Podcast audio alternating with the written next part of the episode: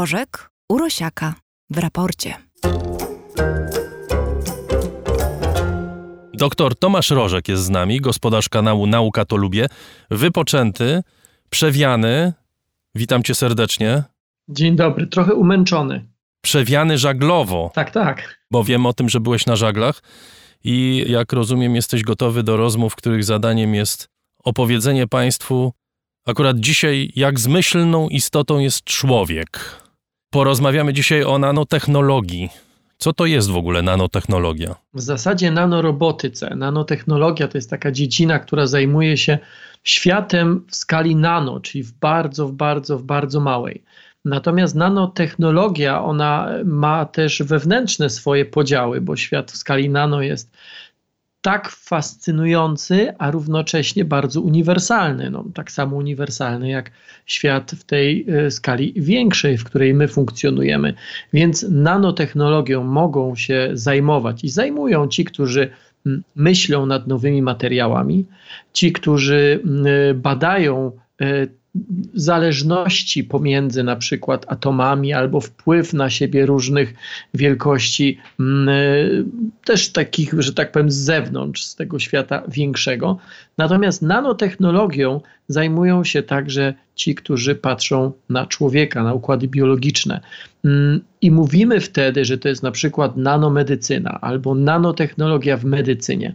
To, o czym chcę dzisiaj opowiedzieć, czy to, o czym chcemy porozmawiać, to jest nanorobotyka, czyli czy jesteśmy już na tym etapie, mm, który pojawia się od bardzo dawna w różnego rodzaju, nie wiem, filmach, opowieściach fantastyczno-naukowych, mm, czyli na etapie tworzenia urządzeń, robotów, urządzeń, które byłyby na tyle małe, że mogłyby wnikać w nasze ciała i tam operować. Dobrze, zaraz do tego dojdziemy. Tylko Tomku, ja chciałem troszkę w, w, przy filozofii pozostać. A dlaczego małe to powinno być? Dlaczego nie może to być normalne, duże albo średnie? Dlaczego małe jest lepsze? Dlatego, że duże, a nawet średnie jest inwazyjne. Jeżeli chcemy e, zoperować, czy jeżeli chcemy się pozbyć, na przykład e, guzka nowotworowego, który ma jedną dziesiątą e, milimetra to jest absolutnie nie do przejścia dzisiaj. Nawet jednomilimetrowy jest nie do przejścia dzisiaj. Najpierw go musimy znaleźć, później zidentyfikować, czyli najpewniej pobrać jakąś próbkę, czy to jest aby na pewno to, co myślimy, a może to jest na przykład nieszkodliwe. Nie potrafimy dzisiaj pobierać próbek, czy robić biopsji na tak małych obiektach, a później musimy się go pozbyć. No, dzisiaj pozbywanie się to jest albo bardzo, bardzo męcząca, kłopotliwa, wyniszczająca, wyniszczająca cały organizm, na przykład chemia, albo naświetlania, równie wyniszczające i, równe, i równie uciążliwe dla pacjenta, no albo operacja. Ale operacja to jest rozcięcie jakichś tkanek, rozcięcie zawsze rodzi ryzyko, że dojdzie do jakiejś infekcji, później rekonwalescencja, to jest kłopot. Gdybyśmy natomiast mieli takie urządzonko, które na przykład w naszym krwiobiegu się porusza, w sposób pasywny albo aktywny, dojdzie czy znajdzie taką komórkę albo taki, taki zbitek komórek nowotworowych i bez rozcinania, być może nawet bez naszej świadomości, nas ludzi, którzy w środku takie urządzenia mamy, po prostu się go pozbędzie, no to znika cała długa lista problemów pośrednich i przed i po. Dobrze, przekonałeś mnie. To teraz opowiedz o tych mini robotach takich robotach wielkości, jak rozumiem, nie wiem, dwóch milimetrów, czy o średnicy dwóch milimetrów, które... Nie, to gigant. Gigant, gigant nie, nie, okay. to... Nie, nie, to o takich gigantach to my nie mówimy. To, to, to jest to, to z punktu widzenia. Czyli tego, nie mówimy czym... na przykład o połykaniu proszka, tylko mówimy o połykaniu czegoś, co jest jeszcze mniejsze. Mówimy o wielu różnych rzeczach. Jesteśmy w takim, na takim etapie zupełnie fascynującym, na którym tak naprawdę sky is the limit. Są technologie, są ludzie, są e, pomysły, także pomysły już zrealizowane, testowane na razie na zwierzętach, ale wyniki z tych testów na zwierzętach są fascynujące i po prostu w dobrym tego słowa znaczeniu, mnie przynajmniej, totalnie powalające. To są różne urządzenia. Rzeczywiście, jeżeli mówimy o połykaniu czegokolwiek, bo chyba od tego, od tego żeśmy zaczęli mm, kilka dni temu rozmawiając przez telefon, od informacji, która akurat przyszła z Włoch mm, że jeden z instytutów e, naukowych e, opracował taki system, który pozwoli w przyszłości wyrzucić do kosza wszystkie, wszystkie strzykawki igły, których niestety muszą używać cukrzycy. Pomysł jest taki, żeby w trakcie operacji, no to jest jak gdyby e, jedyny gdzieś tutaj minus tej całej metody, e, człowiekowi, który cierpi z powodu, z powodu cukrzycy, wszczepić w okolice jelita cienkiego coś w rodzaju takiej stacji dokującej. E, I to wszystko ponieważ później przez długi czas, no to urządzenie jest akurat testowane na świniach. Ktoś, kto komu spada E, spadają parametry, tak że w normalnym życiu powinien sobie insulinę podać właśnie w zastrzyku, po prostu połyka specjalny rodzaj takiego zasobnika, robota, coś w tym rodzaju, wielkości zwykłej tabletki. E, tam odpowiednie czujniki magnetyczne e, spowodują, że mm, jak ta tabletka znajdzie się w odpowiednim miejscu jelita cienkiego, to Y, zostanie obrócona w odpowiedni sposób, tak, żeby się znaleźć ścianką swoją, tą cieniutką, do, żeby przylegała do ścianki jelita. A następnie urządzenie wszczepione dużo wcześniej po prostu przebije taką tabletkę i um, uzupełni, niemalże jak drukarka, e, drukarka atramentowa, uzupełni poziom hormonów, które następnie przez kolejne dni, a może tygodnie, a być może nawet miesiące będzie uwalniało, pilnując, żeby e, parametry życiowe e, osoby chorej, cierpiącej na cukrzycę były cały czas w normie. Jak tylko uzupełni poziom hormonów, to ta tabletka, po prostu tej tabletki się pozbywamy, usuwamy ją, wydalamy ją z organizmu. Natomiast to jest tylko i wyłącznie jeden z wielu, wielu pomysłów. Mówiąc o pomysłach, nie mam na myśli koncepcji, które są e, napisane, rozpisane, wyrysowane na kartce, bo papier w sumie jest dość cierpliwy, więc wszystko gdzieś tam zniesie. Mówię, mówiąc o koncepcjach, mam na myśli już konkretne próby na potrzeby naszej rozmowy podzieliłem sobie te wszystkie, mm, te wszystkie informacje, które, które gdzieś tam e, i znalazłem, i śledzę, i, i, i miałem już może wcześniej, e, na kilka różnych kategorii. Jak sobie pomyślałem, co te roboty mogłyby robić, e, to na pewno diagnostyka obrazowa i takie roboty już dzisiaj są. Niewielkie tabletki, które połyka się i dzięki temu, że mają na swoim pokładzie bardzo zaawansowane kamery, ale także na przykład oświetlenie, także urządzenia, które pozwalają im się rozglądać trochę na boki, a także mają możliwość na przykład bycia y, sterowanym przez zewnętrzne pole magnetyczne, są w stanie zrobić diagnostykę na przykład całego układu pokarmowego, y, która bez tego typu urządzeń czy mówimy o diagnostyce, że tak powiem, delikatnie od góry czy od dołu, jest dosyć mocno kłopotliwa. Są roboty, które już dzisiaj są, roboty, które aplikują leki, które mogą aplikować leki. Są roboty, które mogą w przyszłości zastąpić antybiotyki.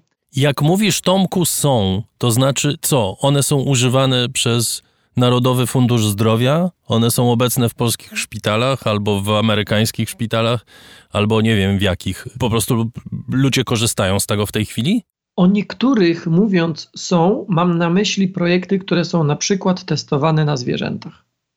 O innych mówiąc są, na przykład o tej tabletce, która ma mm, kamerę, e, mówiąc są, mam na myśli to, że one już są wykorzystywane w praktyce medycznej, czyli już są po testach e, tym po testach na ludziach. E, czy one są wykorzystywane przez nasz NFZ? Nie wiem. Natomiast wiem, że e, w szpitalach, e, przynajmniej dwóch, trzech, o których wiem na pewno na zachodzie, takie urządzenia są. Czy to są urządzenia bardzo drogie, to znaczy takie, których produkcja jest dostępna wyłącznie dla bardzo wyspecjalizowanych firm i y, dla systemów, które są w stanie takie koszty udźwignąć? Jeżeli mówimy o y, urządzeniach, które są testowane na zwierzętach, bardzo trudno jest powiedzieć, jaka będzie ich cena wtedy, kiedy one będą kiedy one wejdą do praktyki medycznej na ludziach. E, z całą pewnością każde urządzenie, które jest nowe, jest horrendalnie drogie. I tak było także wtedy, kiedy tworzono, budowano pierwszy tomograf, pierwszy, e, pierwszy NMR czy pierwszy tomograf PET. E, pamiętam moment, w którym pierwszy duży PET właśnie, czyli, czyli tomograf pozytonowy e, został wprowadzony do Polski i o tym się mówiło jako o czymś, co, i to nie było bardzo dawno temu, jako o czymś, co rzeczywiście no, jest rewolucją i rewelacją. I rzeczywiście to urządzenie takie jest. Dzisiaj PETów w Polsce trudno mi nawet po, policzyć, ale e, zawsze nowa technologia powoduje, że trzeba wydać dużo, dużo pieniędzy, czyli ona jest na, dla najbogatszych. Z czasem ona y, powszednieje, czy powszedniejąc tanieje. W każdej nowej technologii coś złego kryje się za rogiem. Czy w tej technologii też się coś złego kryje za rogiem? Czy przy pomocy takich mini robotów można zrobić krzywdę człowiekowi? E, masz rację, że człowiek ma nieograniczone możliwości w czynieniu dobra i nieograniczone, a niektórzy twierdzą nawet nieco większe, w czynieniu zła. Jeżeli mówimy o tych technologiach, takich, które jeszcze są testowane na zwierzętach, o niektórych takich, które jeszcze w ogóle nie są do żadnych organizmów żywych wprowadzane, tylko są testowane powiedzmy na jakichś takich układach modelowych, ja mogę sobie wyobrazić urządzenia, które które no, podróżują po naszym ciele, po wnętrzu naszego ciała. Jest na przykład taki robot opracowany przez naukowców, przez inżynierów z Instytutu Maxa Plancka w Niemczech, który e, porusza się wewnątrz gałki ocznej. To jest robot, który, urządzenie, które ma dostarczać e, leki e, no, tak precyzyjnie, że niemalże do pojedynczych komórek. E, czy takie urządzenie może nam zrobić krzywdę? No być może ono, nie wiem, straci kontrolę nad sobą, albo my stracimy nad nim. Być może ono coś uszkodzi, no ale to są, to, to są przypadki podobne, oczywiście w zupełnie innej skali, jak to, czy auto nam może zrobić krzywdę. No tak, jeżeli ktoś nieodpowiedzialny siedzi za kierownicą, jeżeli popsuje się układ hamulcowy, to tak może nam zrobić krzywdę. Albo skoro będą roboty, które będą kontrolować nasz poziom insuliny, to pewnie dokładnie na tej samej zasadzie można stworzyć roboty, które będą zajmowały się roznoszeniem odpowiedniej ilości, odpowiedniej jakości narkotyków po organizmie. Tak, może być. No wiesz, jeżeli mamy roboty, które potrafią, a takie mamy, e, potrafią dostarczyć do konkretnego miejsca w naszym organizmie leki, to znaczy, że także narkotyki.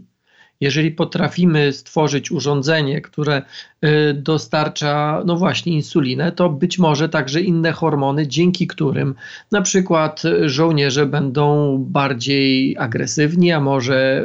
Sportowcy osiągać lepsze wyniki. Albo sportowcy osiągać lepsze wyniki. Oczywiście tak, to jest możliwe. Natomiast ja chciałbym jeszcze powiedzieć o jednej rzeczy, która wydaje mi się dość istotna tutaj, bo my mówiąc roboty, jesteśmy skażeni taką wizją trochę, bym powiedział, analogową, że ten robot to rzeczywiście musi być takim czymś mechanicznym, czymś, co ma jakiś silnik, jakąś śrubę albo jakieś witki, które poruszają tym robotem. E, takie roboty także są i one są także opracowywane. Natomiast e, dużo częściej myśląc o nanorobotach, raczej myślimy o urządzeniach biologicznych. E, na przykład o urządzeniu jest na Uniwersytecie Stanowym stanu Arizona. Został opracowany taki, no właśnie, takie urządzenie zbudowane z mm, no właśnie, jakby to powiedzieć, z kwasu DNA. To znaczy, kwas DNA, y, z tego kwasu jest stworzona, z cząsteczek tego kwasu jest stworzona taka, bym powiedział, platforma, czy taka płachta. Ona jest oczywiście, y, nie wiem, tysiące razy mniejsza niż, niż grubość naszego włosa. Mm, a na, nim, a na niej są poukładane różne rzeczy. Na przykład jest przymocowana jest przymocowany taki enzym, który się nazywa trombina i który jest odpowiedzialny za krzepnięcie krwi, a także są przymocowane biologiczne, jak najbardziej czujniki, które są w stanie wykryć y, komórkę nowotworową. W efekcie mm, dostarczenie takich e, biologicznych nanorobotów do organizmu w praktyce oznacza, że one oblegają, tak jak gdyby oblep, oblepiają guz nowotworowy. Czy on jest mały, czy duży, nie ma znaczenia. A przez to, że tam jest y, przymocowana właśnie trombina, ten enzym, powodują krzepnięcie krwi w naczyniach krwionośnych, które ten nowotwór zasilają w energię, zasilają w substancje odżywcze.